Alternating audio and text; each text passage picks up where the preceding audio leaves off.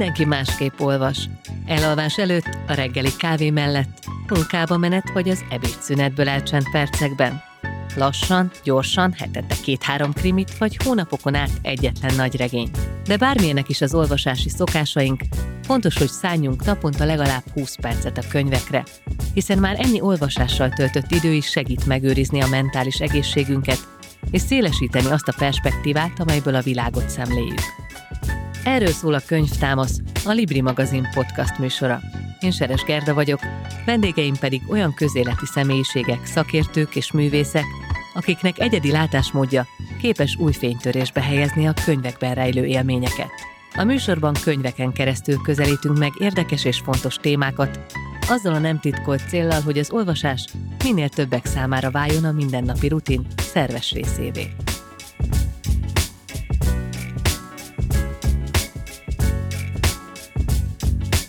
Akadnak írók, akik óckodnak a nyilvánosságtól. Mások, mint a világhírű Elena Ferrante vagy a népszerű magyar szerző Kondor Vilmos, azzal adnak okot a találgatásra, hogy az olvasóknak lényegében fogalmuk sincs, kirejlik az írói álnév mögött. Vannak, akik előszeretettel állítják saját személyiségüket a középpontba, hogy ezzel is növeljék a könyveik ismertségét.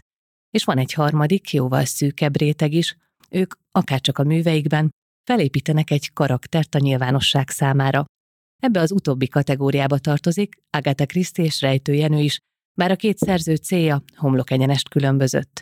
Míg Rejtő a saját alakja köré tudatosan szőtt legendákkal, a könyvei eladását és a saját népszerűségét akarta növelni, addig Agatha Christie épp ellenkezőleg inkább elrejteni akarta életének azokat az elemeit, amik nem illeszkedtek korának nőképébe. Írók titkos élete, ez a könyv támasz mai témája. A vendégeim Molnár Piroska, Kossuth Díjas színművész, szenvedélyes olvasó, aki nem csak a könyvek lapjairól ismeri a már említett Rejtőjenő vagy Agatha Christie műveit, hanem színpadi adaptációkban vagy olykor szinkron stúdiókban keltette életre egy-egy figurájukat. Ha választani kellene, Rejtő vagy Kriszti? Nem tudok választani, mindkettő a maga módján nagyon jó, és mindkettő valamiért, tehát nem keverhetőek. Ha kell, akkor nem választanék. Turóci Gergely irodalmi múzeológus több rejtőjenőről szóló kötetet, tanulmányt jegyez. Az író egyik legjelentősebb szakértőjeként a legmegfelelőbb személy arra, hogy szétválassza a rejtőt körüllengő legendákat az igaz történetektől. Előszeretettel idézünk rejtőtől, neked melyik a kedvenc rejtő mondatod? Hát a nagyon frappáns, akkor mondjuk legyen a életfogytig nem a világ. Ez egy bűnözői közegben keletkezett mondat, tehát úgy is értelmezzük. Nekem rögtön az uram a késemért jöttem. Itt van a hátam, hátam. ez ugrik be. Igen, érdekes, hogy ilyen nagyon jól idézhető mondatok, nagyon frappáns, Igen. nyilván szerepe van ennek is abban, hogy ennyire fennmaradt, és ennyire benne van a köztudatban. Játszunk egy kicsit bemelegítésként, ha már az írók titkos életéről beszélgetünk, akkor arra kérlek benneteket, hogy ti is áruljatok el egy titkot. Van olyan könyv, amelyikről nem mertétek soha bevallani, hogy nem olvastátok, mert mondjuk kínos, vagy alapmű, vagy muszáj lenne? Hát van, mondjuk nem kínos, de például Marx tőkéjét soha nem olvastam, és bevallom a Bibliát se, csak ilyen mások által kis Schleifni idézetekből ismerem. Hát én is beszoktam vallani, például a James Joyce Ulysses-ének többször nekiugrottam, de nem ment, ez mindenhová beleolvastam, de ez, ez tényleg egy, én kétlem, hogy ezt mondjuk angolul is sok ember végigolvasta volna, holott ugye magyar vonatkozása is van. Én azon végigvertem magam most az új kiadáson, mert most lefordította talán a Barna Imre még egyszer, vagy egy Igen, ez már a harmadik kiadás. Igen, és akkor most ezen teljesen végigvertem magam muszájból. Muszáj volt. Jegyezzük meg, hogy a rejtőnek mindenhez köze van, a áttételesen is, de ha minden igaz, az első Ulysses fordítást azt hiszem az Gáspár Endre 40-es évek közepén követte el, és azt a rejtő kiadója a Nova adta ki. Tehát a háború előtt a rejtő főkiadója Nova volt, aztán a háború után más könyveket is adott ki, tehát ez is egy érdekes kapcsolat szombathelyen sétál az ember, akkor egyszer csak a egyik téren, egy sarokból is kiemel egy James Jones fújik elő egy kis szobor, ilyen félszobor. Ez gondolom a magyar vonatkozással. Igen, hát a virágúr. Kapcsolatos, igen. Agatha Christie egyik leghíresebb műve a gyilkosság az Orient Expressen, rejtőjenő pedig rengeteget utazott vonaton, miközben bejárta Európát, előfordult, hogy vagonok tetején potya utasként. Szoktatok vonaton utazás közben olvasni? Hát én már nagyon régen nem vonatozom. Fiatal koromban, mikor Kaposvárot voltam szerződésben a színháznál, és még nem volt autónk, akkor elég sokat vonatoztunk, és hát volt egy időszak, amikor mindenen akárhol voltam, olvastam. Buszon, vonaton, utcán neki mentem, vettem egy új könyvet, akkor azt azonnal kinyitottam, és igen, mostanában már csak éjszaka jut rá idő, otthon az ágyba, rontom vele jól, már elég rossz szememet, de volt, amikor mindenütt olvastam. Hát gyerekkoromban édesanyám beágyazta már a könyvet a végén, hogy ne találjam meg, mert képes voltam reggeltől estig olvasni. És így az ágynem közé, ugye falunk vannak ezek a hatalmas Dunyhák. igen, és oda beágyazta, hogy ne találjam meg. Hát, ha vonatozom, akkor szoktam olvasni, illetve életemnek az a korszak, amikor Pécsre jártam egyetemre, 11 szemesztert, és minden hétvégén hazajöttem, tehát egyszer sem maradtam ott, na akkor nagyon sok olvasás volt, sőt, hát ugye akkor vizsgákra is készültünk, hát mostában már csak rövidebb vonatutak vannak, a városba pedig bringával, kerékpáron közlekedem, na ott nem szoktam olvasni, nem is ajánlatos.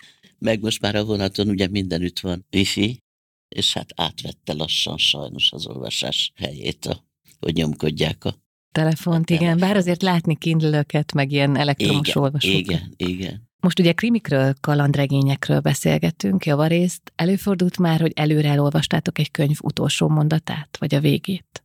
Velem előfordult azért, ritkán. De ez ilyen kíváncsiság. Próbálok uralkodni magamon.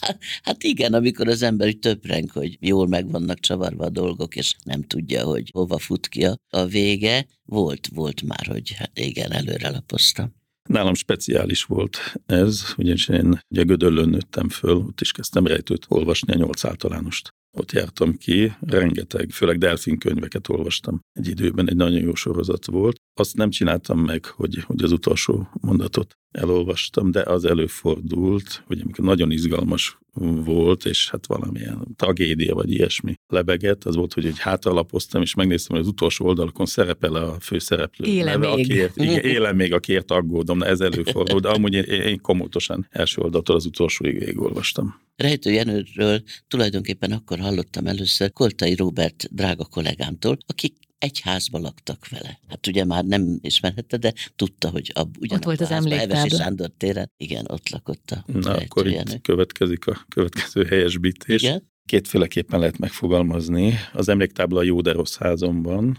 vagy rossz az emléktábla, és egy másik emléktáblát másik kéne tenni. Az a helyzet, hogy ami most ugye a Rejtő Jenő utca, az egyes szám az a színház, most azt hiszem Magyar Pesti Magyar Színház. Pesti igen, igen. Magyar de színház. a Hevesi Sándor tér ott van mellette is. Igen, hát annak egyik ugye oldalát le, Igen. lecsapták, abból lett a Rejtőjenő utca, tehát a Rejtőjenő nem ott született, az utcában született, a Szövetség utca 22-ben. Amikor megszületett, akkor a, ahol most az emléktábla volt, az a Szövetség utca 40 volt, de amikor oda költöztek, akkor már Izabella tér ötlet, tér, utána. Hevesi Sándor tér 5, és most Rejtőjenő utca 6. Tehát ugyanannak igen. a háznak száz év alatt négy igen, címe volt. tér, tehát, tehát a Szövetség utcában az Erzsébet városban született Rejtő, de nem abban a házban. Tehát néhány házzal arrébb Nem is van. a születés, hanem hogy ott élt. Az, az a, a fontosabb, élt, tehát az a fontosabb igen, momentum, igen. tehát ott cseperedett, de nem ott is ott laktak. Tehát még ilyen emlékeik is lehetnek a családról, vagy ugye a szülők nem tudom, ott maradtak-e tovább, de... Nem, 1928-ban, ha jól emlékszem, akkor a család elköltözött. Most próbáltam kideríteni, hogy tulajdonképpen melyik lakásról van szó, most már több minden fölmerült, valószínűleg egy nagypolgári lakás volt, de nem az övék volt. Én úgy rakom össze a történetet, hogy bérelték. És akkor elég jól ment nekik, hogy egy ekkor lakást, mint a három-négy szobás lakást bérelni, hát ugye három fiú volt, meg a szülők, ugye a papa, a rejk papa eltartotta őket, de aztán beütött a gazdasági világválság, és akkor ahányan voltak, annyi felementek.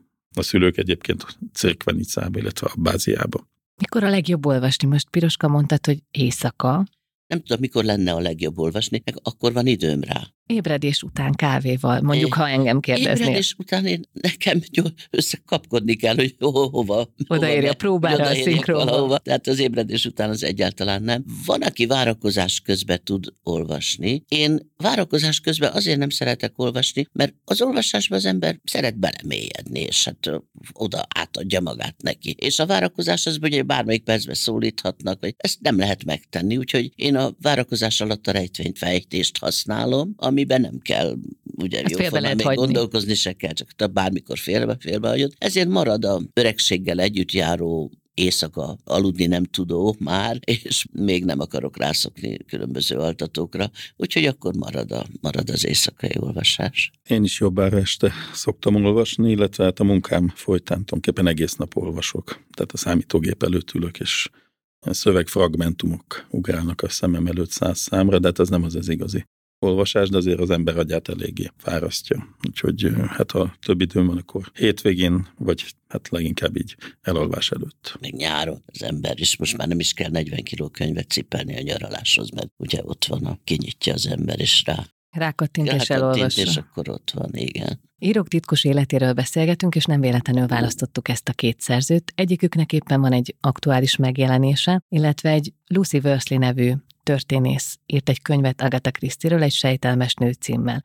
Azt hinnénk egyébként, hogy Agatha Christie-ről már számos kötet megjelent, meg ugye saját maga is írt önéletrajzot, de azért fontos mégis ez a könyv, mert egy picikét más színben tünteti fel őt, és olyasmiről is ír, amiről mondjuk Agatha Christie nem ejtett szót az önéletrajzában, nagyon szemérmesen írt, vagy inkább egy picikét talán kozmetikázta a dolgokat, vagy valamilyen irányba akarta terelni ezeket a vélekedéseket. És ugye ott van ez a nagy rejtély, a 11 napos eltűnése ebben a történetben. Most először engem az érdekel, hogy amikor olvastok egy könyvet, akkor foglalkoztat titeket, hogy ki írta? Tehát akkor utána néztek, keresgéltek, vagy ez tulajdonképpen tök lényegtelen? Őszintén valami nem szoktam. Különösebben, a, ha ismerem az írót, akkor, akkor úgy is megvan, de ha számomra ismeretlen az író, akkor nem igazán érdekel, hogy ki, ki az, aki írta. Az érdekel, amit írt.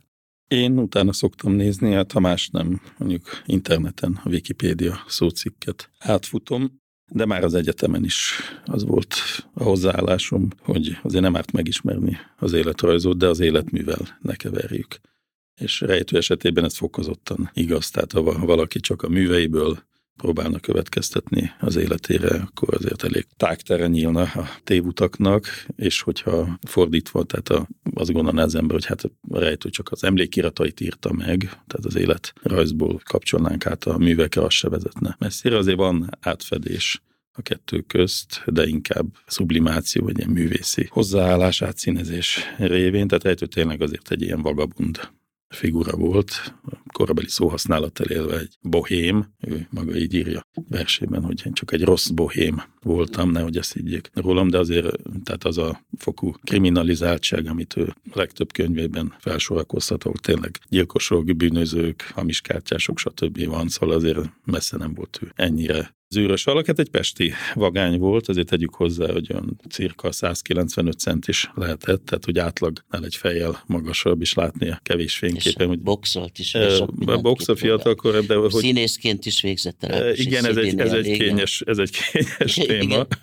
Szóval nem volt a színészek gyöngye. Nem volt jó, igen, de nagyon ambicionált. Az volt a helyzet, hogy, hogy sok mindenbe belefogott. Nem mondom, hogy belekapott, tehát amiben belefogott, azt komolyan gondolta, de ha jött egy kudarc, egy sikertelenség, akkor váltott. Tehát nem azt csinálta, hogy na, akkor most engem ötször kiütnek a ringbe, de én öt év múlva is itt fogok boxolni, nem. Vagy nagyon rossz verseket írt, mindegyikünk írt nagyon rossz verseket fiatal korában, de nem, nem lett költő, és a, az írói működésében, hát összeszámoltam kb. 10-12 féle műnemben és műfajban próbálkozott, amíg megmaradt az a kettő-három, amiben igazán sikeres volt.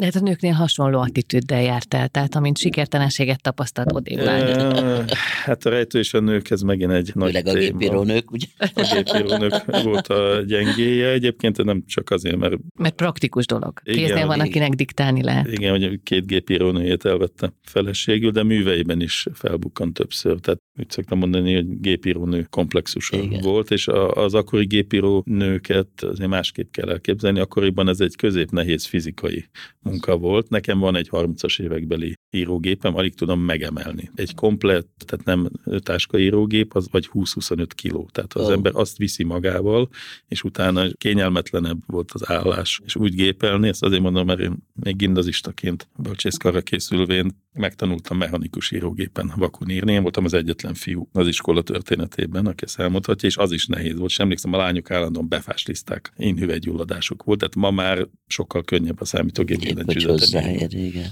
Igen, az egy komoly szakma volt, és hát rejtőnek van egy operettje is egyébként, a Tisztességes Anna. Ahol gépírónőről. Gépíró, és ott van a gépírónők kara, van egy ilyen, ahol, ahol tényleg egy ilyen siratóének majd, hogy nem, tehát ez egy nehéz munkáról szól. Igen. És hát rengeteg ilyen rövid kabaré jelenetet írt, ugye, mert az akkor pénz állt a házhoz azokkal rögtön. Hát ezt úgy hívták korban, hogy leíró irodák, tehát a körúton több helyen volt, ez olyan, mintha ma az ember fogja a laptopját és beül a kávézóba, de akkor az ember megírta kézzel, bement, és akár ott helyben, egy ilyen elkülönített Igen. boxban diktálta, és leírták, Igen. ezt úgy hívták, ezt megtaláltam a korban, úgy hívták, hogy taxigépírónő, ugye a taxi, a tagsa, mint bér gépírónő, és ki lehetett bérelni hölgyeket gépírónői munkára. És ennyire gyorsan is. ért, tehát hogy eszébe jutott pikpak. Igen, igen, tehát igen. rengeteg ötlete volt, igen. és hát ezekből a részint éjszakai munkákból, hát két Igen. házassága is lett, két rövid életű házassága, Igen. tehát a gépírónői elvette, de nem, nem volt az a férnek való. Az, az ezen egy éjszaka című regényében ugye többet, vagy ha lehet, hogy az is fikció, nem tudom, de abból azért elég sokat lehet megtudni ezzel kapcsolatban az ő. Igen, ilyen, ez hogy a kis szerző, kis kabaré jelenettel. Milyen izgalom volt egy premier a kabaréba, amikor egy új jelenetet mutattak be. Így legalábbis így emlékszem. A igen, regényre. ezen egy éjszaka, ez egy posztumusz mű, igen. tehát a rejtő halála után jó 25 igen. éve jelent meg, nem is volt befejezve, tehát rejtő nagyon sokat dolgozhatott volna És akkor a bátyja még. fejezte be? Vagy azt hát erről nem, nem tehát tudjuk. van, ahol ezt mondják, van, ahol azt, én több interjúban többfélét olvastam, otthon a családnál megvolt a kézirat, hogy ki milyen mértékben nyúlt bele, azt nem lehet tudni. Erről a, ugye az Alpatrosz könyvekbe adták közre, egy muk, egy lábjegyzet, semmi nincsen, hogy ez micsoda. Biztos, hogy, hogy hozzá kellett nyúlni, de hát, hogy azt most a rejtő bátyja, vagy a kiadói szerkesztők voltak, vagy azt mondják, hogy hát egy vicclap volt akkoriban idehaza a Ludas Matyi, hogy annak a szerzői gárdájából valaki, hát úgy tető alá hozta, de azért nem a legjobb műve. Hát nem, nem, egy, nem, csak ilyen, meg. Szóval én dokumentumnak, vagy nem tudom szóval én úgy éreztem, hogy azért abból sok minden igaz volt, vagy lehetett, amikor hát egy-egy kabaré jelenettel elkészült, és akkor ott izgultak, hogy annak milyen sikere lesz. Az, ugye gondolom hetenként új kabaré műsort kellett csinálni, mert a közösség hetenként Folyton újra, újra új, is. Igen. Hát nem csak kabaré jeleneteket, hanem akkoriban létezett egy műfaj, ez már, már kiveszett revűnek hívták. Igen, revű igen. Színház. Hát meg filmforgatókönyveket, amik, vagy amiből aztán. Hát filmnovellákat. Filmnovellákat, forgatókönyvet. Igen. igen. Nem, de a revű az, az igen. olyan volt, hogy abban volt kabaré, abban igen. volt zene, volt tánc, volt előfordult, igen. hogy akrobaták, és az igen. egész általában ugye fogyasztásra épült, igen. tehát egy mulatóban, ahol illet pesgőzni, vacsorázni, többi, és ez, ez egy elég kemény Hát egy csomó régi magyar filmnél, ugye, ahogy olvashatjuk, hogy az ő írásában. Hát tulajdonképpen csak kettőnél. Csak kettő? De, még, de sokkal többnél. Még legalább kettő kettőben négerként beledolgozott. Igen. Zsidó törvények. Igen, amikor beléptek. Miatt, de ezt sikerült kideríteni, de a Úri Lány szobát az keres, keres, az az ismertebb, és igen. van egy kevéssé ismert film, a Sportszerelem, abban be a Latabár Kálmán alaki játszik. Az volt Latabár egyébként első film szerepe. Aha. Akkor már majdnem 20 évig színpadon volt, de ez volt az első film. Igen, ők utaztak a bátyjával, ugye, a világban. A két Latabár. Igen, igen, a két Latyi. Azt mondtad Piroska előtte, hogy érdekesnek találtad ezt az említett Agatha Christie-ről szóló könyvet. Holott már olvastál ilyesmit, és azt mondod, hogy annyira nem foglalkoztat az író a könyv mögött. Miért volt ez mégis hát izgalmas? Hát annyira nem, de mondjuk Agatha Christie-nél ez egy nagyon érdekes dolog, kezdve ugye az első házassága csalódásánál, amikor a férje szeretője nevén jelentkezik be egy szállodába, egy, egy fürdőhelyen. Úgy emlékszem, hogy erről egy film is készült. Azt én nem láttam. Grével, igen. Ah. Igen, azt is, azt is láttam. És hát ugye ott hagyta a kocsiját valahol, és akkor azt itt, akkor már ismertebb krimi írónő volt, és keresték, és akkor egyszer csak egy újságíró a szállodába rájött, hogy, hogy, hogy ott időzik. Hogy, hogy ott időzik, és hogy ő de hogy kicsit ilyen emlékezetvesztése lehetett. Hát ugye az első férj az egy ilyen nagyon csinos, nagyon jó Pilóta. igen, egy ilyen Don Juan volt, és hát gondolom, hogy ez iszonyatos csalódás lehetett neki, hogy egy, egy fiatalabb, másfajta nővel csalta, amikor már volt egy lányuk, És nem is nagyon hitték egyébként el neki azt, hogy emlékezett kiesése volt, mert valahogy ez is olyan bravúrosan volt fölépítve, akár a könyveiben. Igen, mit, Tehát, hogy a igen. bunda ott maradt a kocsiban, igen, a kocsi egy elhagyott helyen, igen. ráfutott valami kőre, akkor mindenki azt találgatott, hogy tán öngyilkos igen, lett, és igen, a szakadékban igen, végezte. Igen. És igen, aztán az élete végig bizonygatta. mint egy krimi, de hát mi az is lehet, hogy teljesen véletlen volt persze. De hát ebből is látszik, hogy valami, ha belement valamibe, akkor nagyon mély érzésű lehetett, mert mert hát egy, egy ilyen csalódást ugye másképp is föl lehetett volna dolgozni, de neki ez ekkora traumát okozott. Tehát aztán kárpotolta az élet ugye a régésszel, a és az milyen izgalmas volt. Nekem ezt tetszett igazán, erről mondjuk kevesebbet tudtam. Azt tudtam, hogy járt ásatásokra. De hogy fényképészként gyakorlatilag a férje mellett a igen, munka igen. egy jelentős részét ő igen, végezte, igen, ott volt, igen. és hogy nem volt már Mert fiatal. valami olajat, nem tudom, mivel kitisztítja a leleteknek a kis repedéseit, meg szóval nagyon leleményes volt, és hát utána az ugye meg is írta ezeket. Hát igen, ilyen átvitt történetekben, és tulajdonképpen nagyon sok egzotikus tájon igen. játszódó története van. Tehát, igen, hogy... igen. Halál a Níluson. Igen, igen. Na igen, és az is például, ha jól tudom, pont egy utazás emléke, őt ugye Egyiptomban vezették be a társaságba, én is éppen ebben a könyvben olvastam, mert hogy ott olcsóbb volt egy első igen. bálozó lányt bevezetni, és akkor egyszerűen ezért ott egy-két hónapot az édesanyjával időztek, és ez idő alatt ő ott Igen. megtapasztalta ezt a közeget. Igen, hát biztos nagyot nyitott szemmel játsz mindig, mint minden. Amelyik az a mezopotámiában játszódó regénye, az már ilyen kifejezetten az ásatás. Igen, van egy, amikor a poáróval Petrába mennek, és akkor igen. ott az ásatásról hal meg valaki. Igen. Kicsit igen, összemosódnak, mert igen, azért elég igen, hasonló. Igen. De hát a csodálatos, hogy ezeket a karaktereket kitalálta, ugye először a poárót, aztán a Miss Marple-t. Melyiket olvasott szívesebben?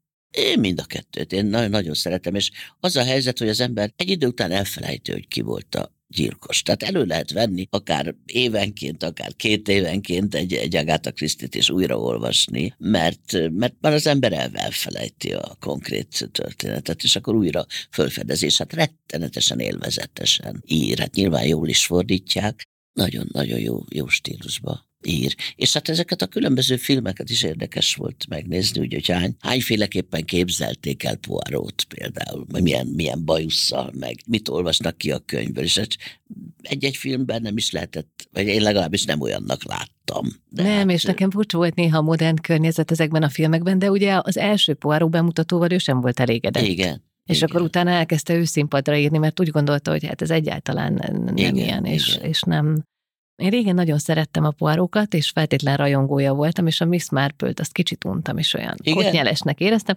és most úgy tűnik, hogy ahogy telik az idő, egyre inkább magaménak érzem. Én ezt, ezt a, kis, a, az angol kisvárosi környezet, ugye legtöbbször az, és hát az, az hihetetlenül, hihetetlenül érdekes az angol vidék, vagy az, én, én azt élvezem a leginkább a Miss Marple könyvekbe, ahogy egy ilyen angol vidéki kis környezetet leír, ami ugye Woodhouse-nál is megvan, csak ott más a vidéki arisztokrácia. Hát az is, hát ugye hány Woodhouse könyvet elolvas, egyet elolvas, az ember tudja mindent, mert szinte ugyanaz, ugyanott játszódik.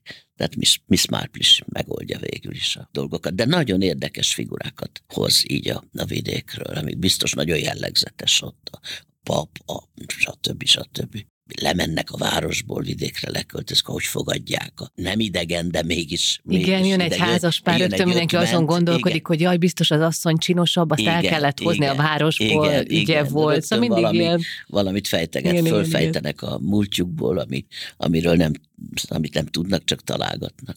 Gergely, te hogy állsz az Agatha Krisztikkel?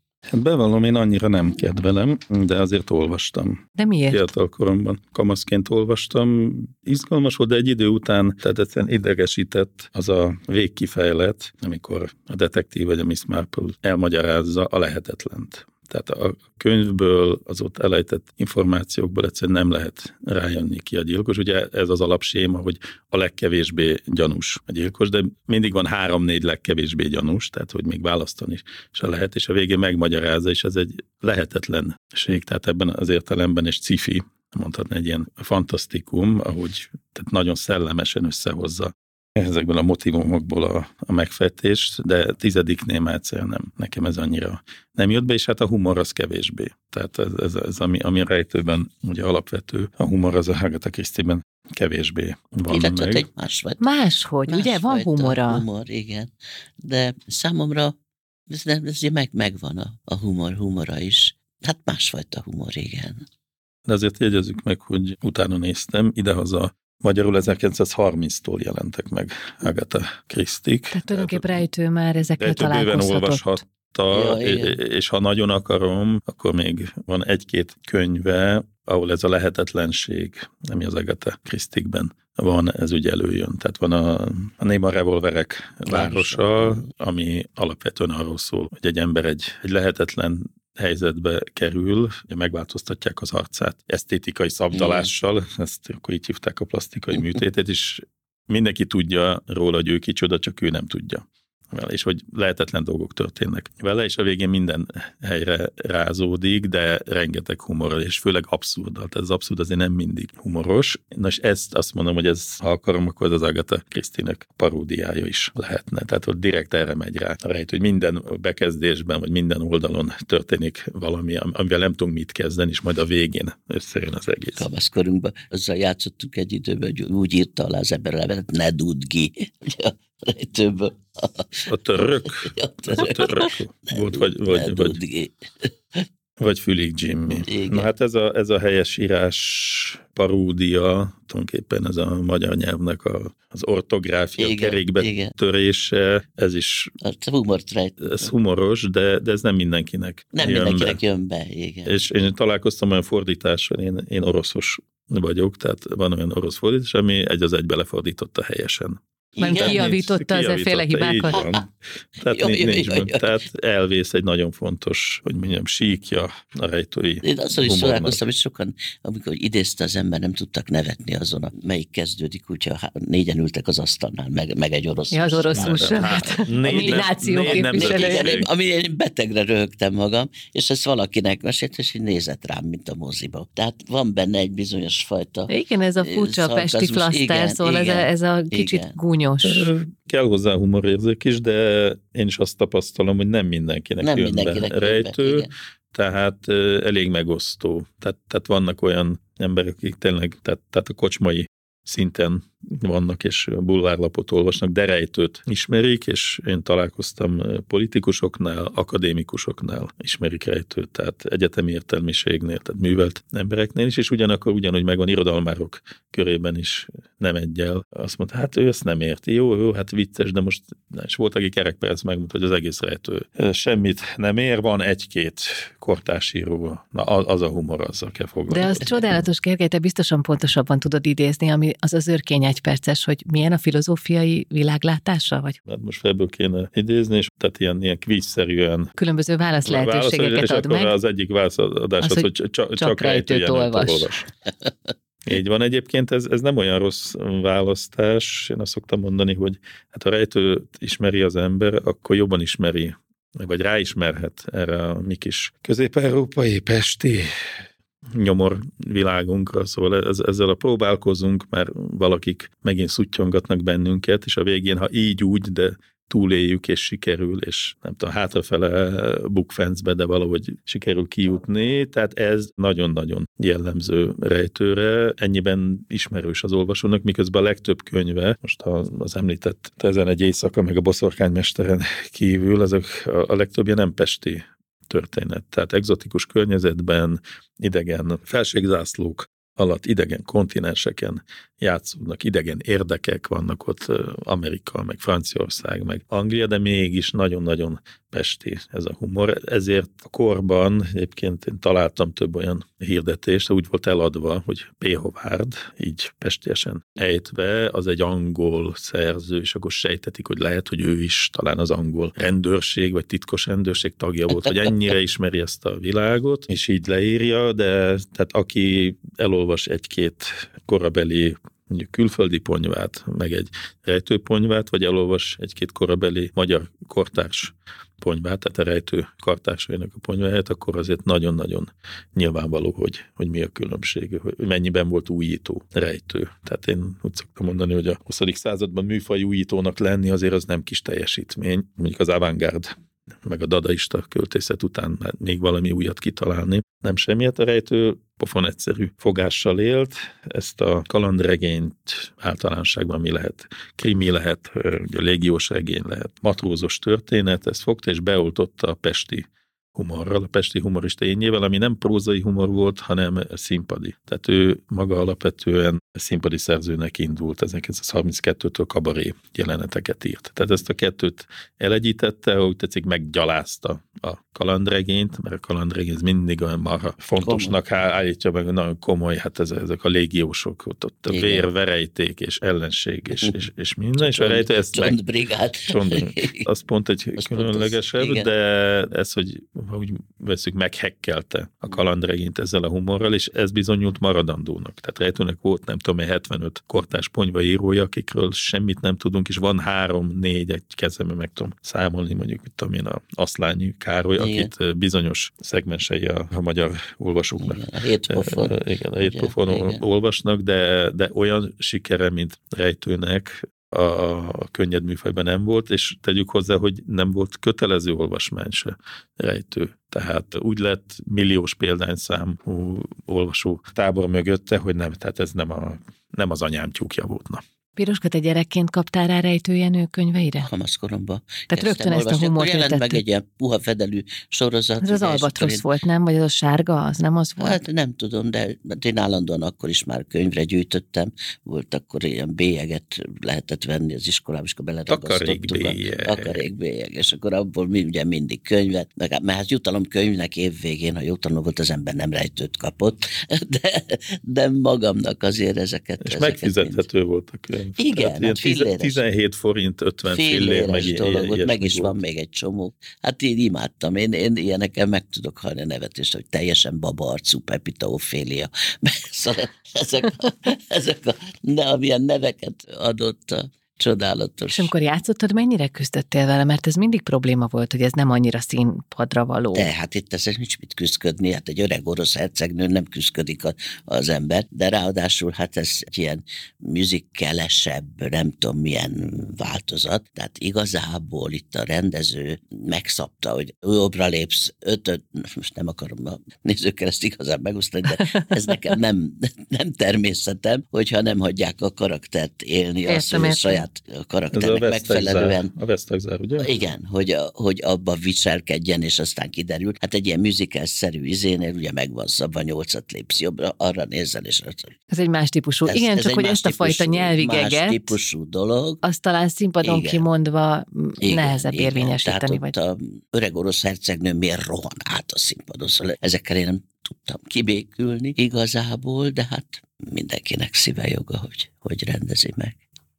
Egyébként Rejtőnek is volt egy különös eltűnése, azért kezdtük el ezt az Agatha Christie sztorit, amikor még Karinti is írt egy levelet az újságba, hogy gyere haza, meg ne haj meg, ne gyilkold meg magad. Ez egy komoly dolog volt, vagy ez is egy geg? Tehát ez az eltűnése 1931-ben szintén kétféleképpen értelmezhető. Az egyik azt mondja, hogy egy előre kitervelt hack volt, hogy hát csináljunk népszerűséget rejtőjenőnek, a másik, és én inkább erre felé hajlom, hogy, hogy valóban aggódtak érte, mert tényleg eltűnt. Ez, De mi történt? Ez télen történt farsang időszakban, valahol mulattak, és a rejtő kalapkabát nélkül kirohant. És amikor utána mentek, ez Dunaparton volt, nem találták a nyomát. Hát azt gondolták, hogy a Dunába ölte magát, vagy hát egyáltalán mi, hát az ember mit a mínusz fokokban felső ruházat nélkül nem szokott mászkálni, és országos körözést adtak ki ellene, tehát fényképpel együtt én több ilyen kis leírást találtam, és a szülei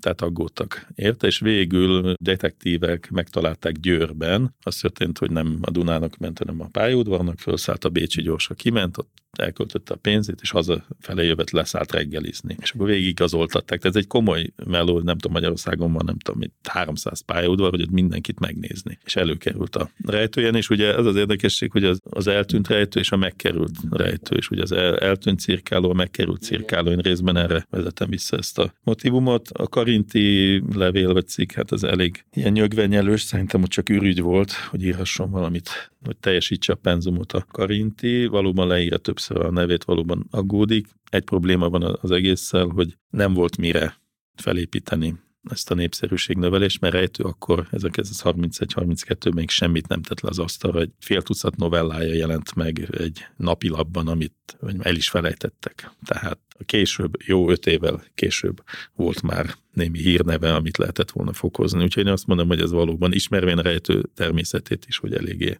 heves hangulatváltozásai voltak, szóval, hogy, hogy ő inkább spontán akció volt a részéről, de nem akart öngyilkos lenni.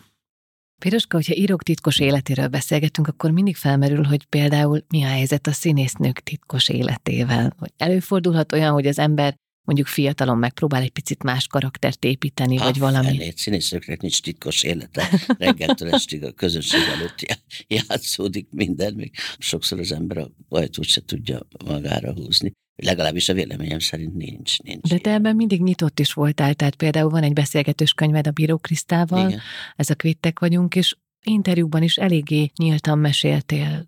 Hát az embernek nincs, nincs mit titkolnia, attól színész, hogy minden emberi tulajdonsággal föl kell, hogy legyen szerelve, jól odafigyelve a, a világra, ettől karakter színésznő valaki, és mindig azt bányásza elő magából, amire szüksége van a szerephez. És aztán, ha másnap egy másik szerepet kap, akkor azt próbálja előhozni. Úgyhogy igazából az alapszínésznő az úgy el is tűnik, szóval a szerepek közt valahol. Szóval sokszor van az ember ilyen zavarba, hogy akkor most ki is vagyok én. Meg sokszor mesélik nagy színésznőkről, hogy ha például Tők és Annáról mesélték, hogy aznap királynőt játszottak, a férje se szólhatott hozzá, mert ő király, ő királynő volt vagy aznap Gertrud, Gertrud is játszott. Tehát aki annyira beleéli magát, hát nem mondom, hogy könnyű, amikor lejön az ember a színpadról egy-egy jól sikerült este után, vagy egy olyan szeretett karakter eljátszása után, hogy nem, nem olyan könnyű átvedleni rögtön civillé. Hát ezért is van ugye az, hogy a színészek azért még előadás után be a büfébe kicsit még el. Szóval valahogy úgy le, lecseng a, a dolog, igen. Mert aztán, hogy az ember mikor civil, mikor, nem, nem tudom. Sokszor szokták tőlem kérdezni, hogy büszke vagyok-e erre vagy arra. Arra vagyok büszke, hogyha olyasmit csinálok, amit nem dolgom megcsinálni. De elmosogatok otthon egy csészét, akkor arra nagyon büszke vagyok. Mert az, az nem az én dolgom. De miért legyek büszke egy fizi, ha megtapsolnak egy szerepet? Tehát ez a dolgom, nem? Szóval ilyen, meg egyáltalán büszkeség az nekem olyan arhaság. De szóval a színész, én úgy gondolom, hogy ez a nehézség, amikor nem a feladat, tehát a, nem abból kell működni, ami a feladatod, hát az nem igazán, az nem igazán megy, és akkor az ember előtt vesz magán, mégis megcsinálja, akkor az, az egy diadal. Érdekes, amit mondasz, hogy tulajdonképpen a szerepek is formálják a saját személyes karaktert. Hogy a Pogány Judittal beszélgettem nem olyan rég, ugye jó barátnők vagytok, és mesélt egy kaposvári előadásról, ahol neki tulajdonképpen szinte mesztelenül, vagy egy ilyen eh, látszólag mesztelenül jelmezben kellett lennie, és valami kék parókát kapott, ami így eltakarta a melleit, Igen. és azt mondta, hogy az elején reszketve állt ott, és hogy talán valamilyen zenés darab volt, és hogy úristen, nehogy ki. És azt mondta a végén, a, a 20. előadásnál már dobálta hátra aját, és nem győzte mutatni, hogy de hát én itt vagyok, és jól vagyok, és hát hogy persze, persze. biztos felszabadítja az embert, hogy sokféle dologban kipróbálhatja hát Igen, magát. meg ott, ugye ott van ez a dilemma, hogy, vagy hogy, hogy is mondják, ez a Didrónak van ez ez a írása, azt hiszem, hogy a, az nem én vagyok, kérem, az a szerep. Tehát el lehet bújni mögé, és azt mondod, hogy tehát én nem, hát én vagyok gyilkos, én nem vagyok izért, az a szerep, amit játszom. Szóval van egy ilyen nagyon komoly írás erről, hogy mi, a, mi vagyok én. Hát ez, ez, amire drága színészmesterség tanárom Pártos Géza mindig mondta, hogy attól színész, azért színész, hogy minden emberi tulajdonság meglegyen magában, és azt erősíti föl magából, amit a szerepe megkíván aztán azt szépen leveti a következőbe. De mondhatom, hogy ez nem én vagyok, ez nem én vagyok. Előfordult, hogy Rejtő is csak egyszerűen színes egyéniség volt, vagy szándékosan kamuzott, amikor mindenhol a légiós részvételéről és egyéb tapasztalatairól mesélt? Kettő messze nem zárja ki egymást, tehát valóban egy elég színes figura volt, de hát az, amit ő lenyilatkozott több labban, az egyik cím az, hogy Daily Bab, ez egy fiatal magyar író fantasztikus élete, ott Kerek Perec megmondja, hogy igen, ő a légióban volt, aztán amikor rájött, hogy ez nem az igazi, akkor ő kijött onnét, úgy, mint a P. Hovárd könyvekben többször előfordul, hogy meg Gorcsevi Ván is, mert többször belép a légióba, aztán mindig kívül van is. csinálja mahinációkat, vagy, vagy kikiszögdösnek, a katonák, de ez nem, ez a, ez a francia idegen légió, az nem így működik. Rejtőszem konkrétan azt írja már nem tudom melyik interjúban, hogy, hogy megebett egy, egy fél szappant, és abzott a szája, és akkor ezredorvos leszereltem el, látta, hogy ez a szegény fiú, az ő 195 centi, hát ő aztán nem katonának való, szóval ez több sebből habzik ez a történet. Nem volt ő egy percig se légiós, járt nagy valószínűséggel Észak-Afrikában, ez akkor ugye francia gyarmati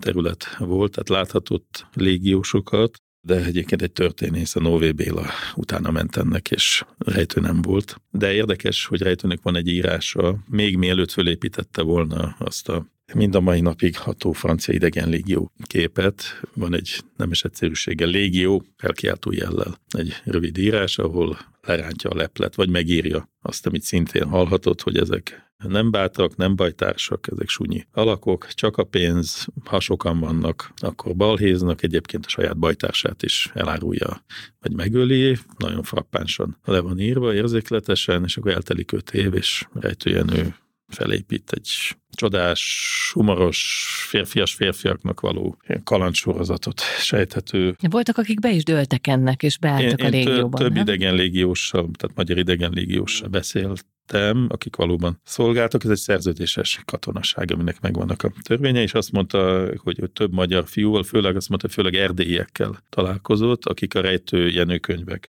nyomán rukkoltak be, és azt mondta, hogy az egyik helyen nagyon csúnya szavakkal az volt kiírva talán a WC-be, hogy ennyi ennyi rejtőjenő nem erről volt szó. Tehát ez, ez másodkézből való, de egy, egy hiteles légiór megjárt katonától hallottam. a Didro írás címben, színész paradoxon. Érdekes jó írás. Mert imádom például ilyen figuráit, a Troppauer Hümér, ugye a költő.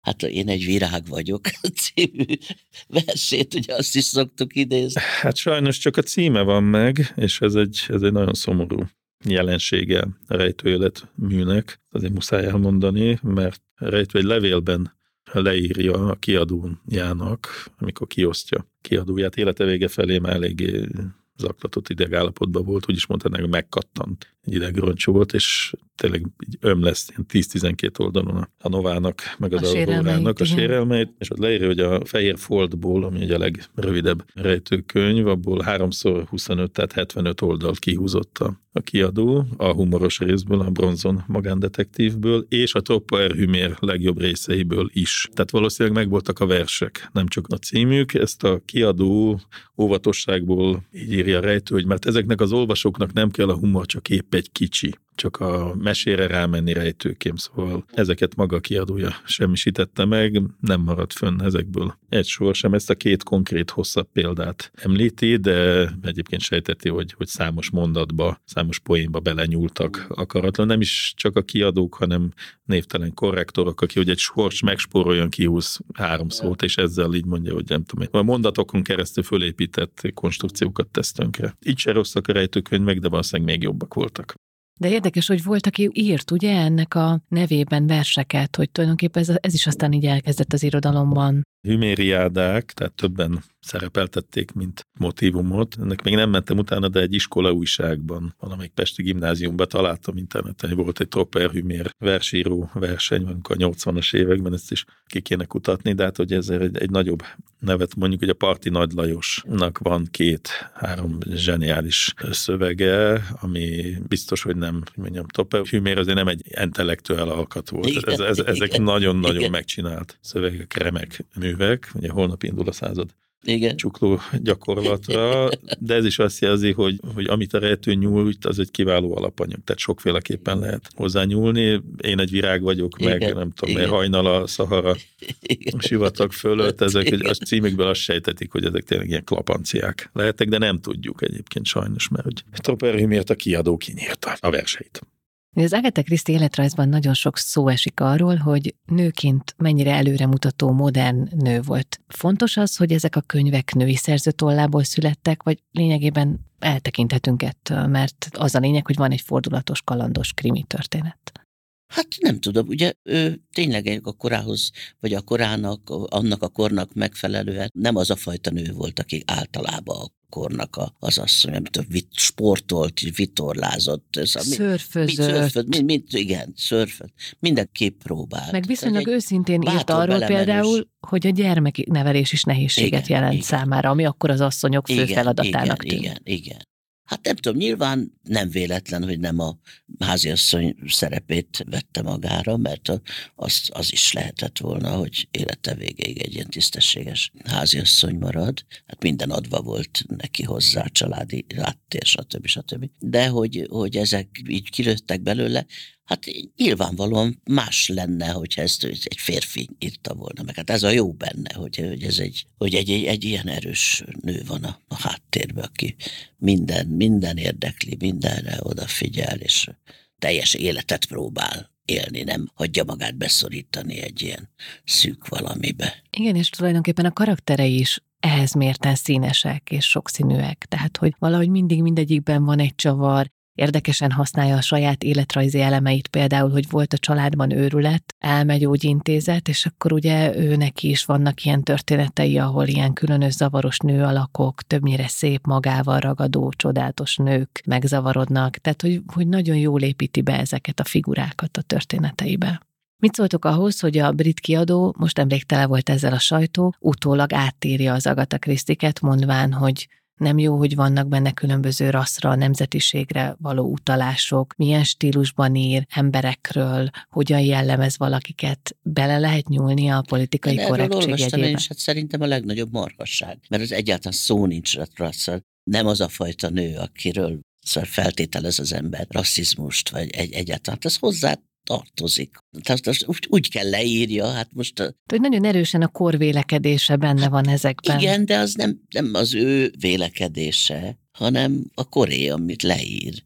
Szóval én nem, igen, ez a legnagyobb marhaság. Ez olyan, mint mikor Shakespeare-t ugye amerikaiak pozitív véget, Róma és Júlia nem haltak meg, meg nem lesz még nem fogadja el a közönség. Tehát meghamisították a végeket. Ugye pont Shakespeare-nél, ahol majdnem mindig halál a, a vége, mert ez nem tetszett a közönségnek. Volt, volt egy ilyen Shakespeare sorozat, hogy mindennek jó vége lesz. Hát kedves Gert, most egy nagyon nagy témába tenyereltél bele, ezt rejtővel megcsinálták évtizedekkel ezelőtt spontánul, kéretlenül, ugyanis az történt, hogy amin mi is felnőttünk, ezek az Albatrosz könyvek, mondjuk így a Kádárkorban kiadott könyvek, azok nem az eredeti rejtők. Tehát azokat szépen de mit kozmetikáztak rajta? Hely, de szépen fogalmaznak mm. ezek a hölgyek kozmetikázni. Szóval cenzúrázták. Így, ez már jobban tetszik. Tehát cenzúra volt, volt egy a legjobb változat, amikor az első kiadásokban valóban voltak hibák azokat kiavították egy szerkesztőnek. Ehhez joga van. Következett az, ami tulajdonképpen a, a rejtő nagy bravúrja, a nyelvezet, a nyelvi humor, vagy inkább a stílus elleni merénylet, hogy mondatokat leegyszerűsítenek, illetve bizonyos régies hangzású szavakat archaizmusokat. Átírnak egy példa, a tűzőrség, ezt használja a rejtő, ugye már az ő korában sem használták, ez tűzoltóság volt. De ő ezzel egy jókai korabeli 19. századi stílus fricskát helyez el, tehát nem véletlen, hogy amikor, nem tudom, ezek a martalócok, vagy nem túl művelt emberek úgy beszélnek, mint a jókai hősök. Ennek van egy értéke, és, és ez tulajdonképpen teljesen érthetetlen, mert egy, tehát az, hogy tűzőrség, az ugyanúgy érti az ember, hogy tűzoltóság, de ez is volt. És a harmadik, amiből nagyon sok volt, hát, hogy szegény rejtő Jenő a hidegháború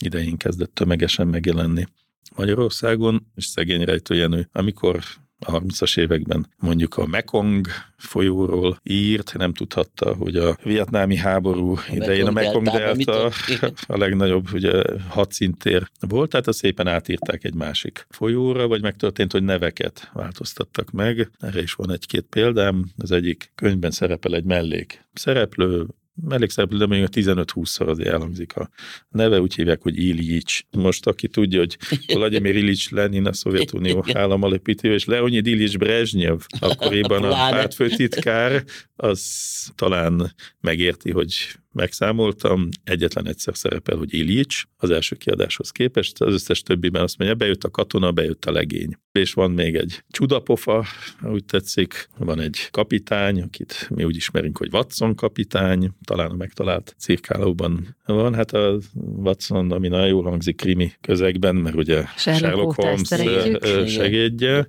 Dr. Watson, hát ezt eredetleg úgy hívták, hogy Kennedy.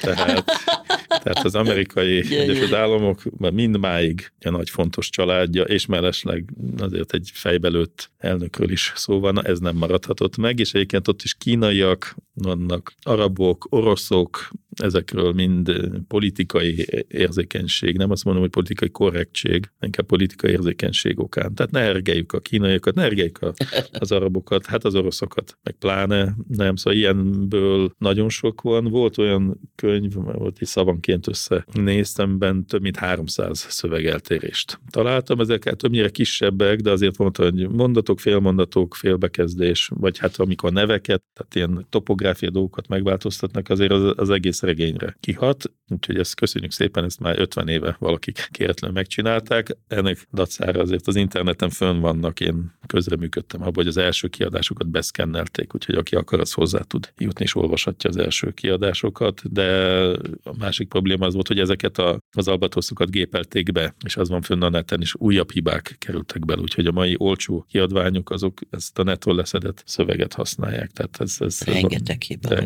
Versekben is olyan jönnek felvételizni a főiskolára gyerekek, és az ember sikoltozik, hogy mit kés, hát honnan vetted? Nem nyitottál ki egy verses kötetet?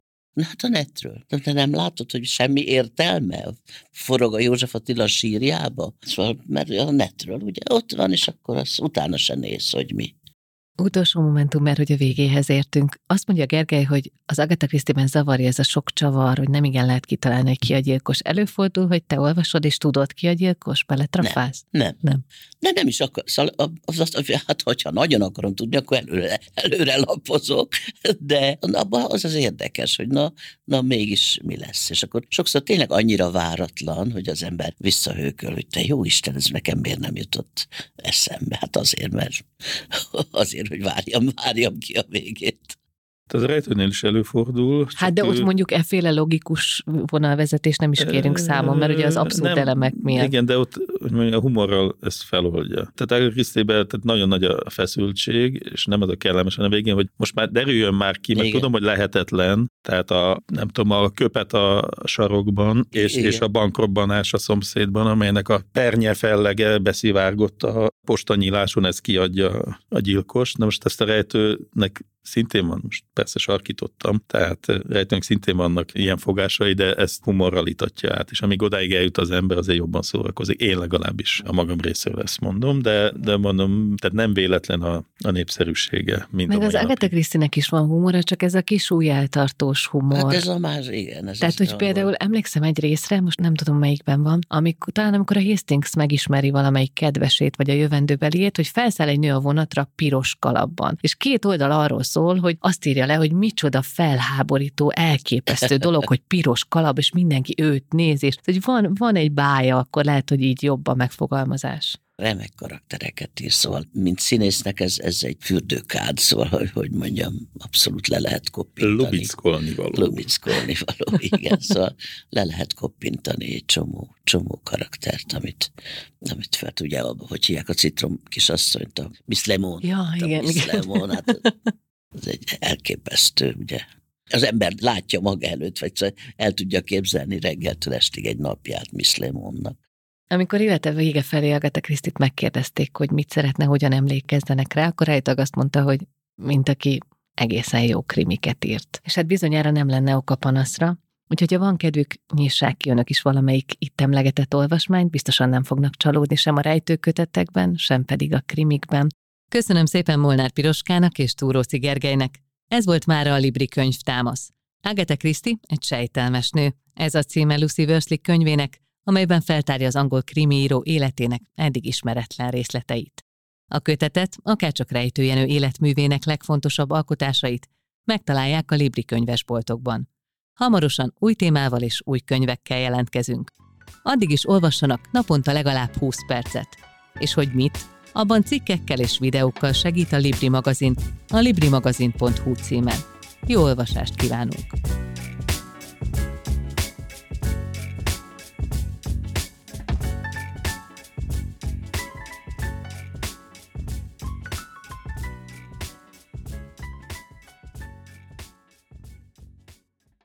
Brocasters.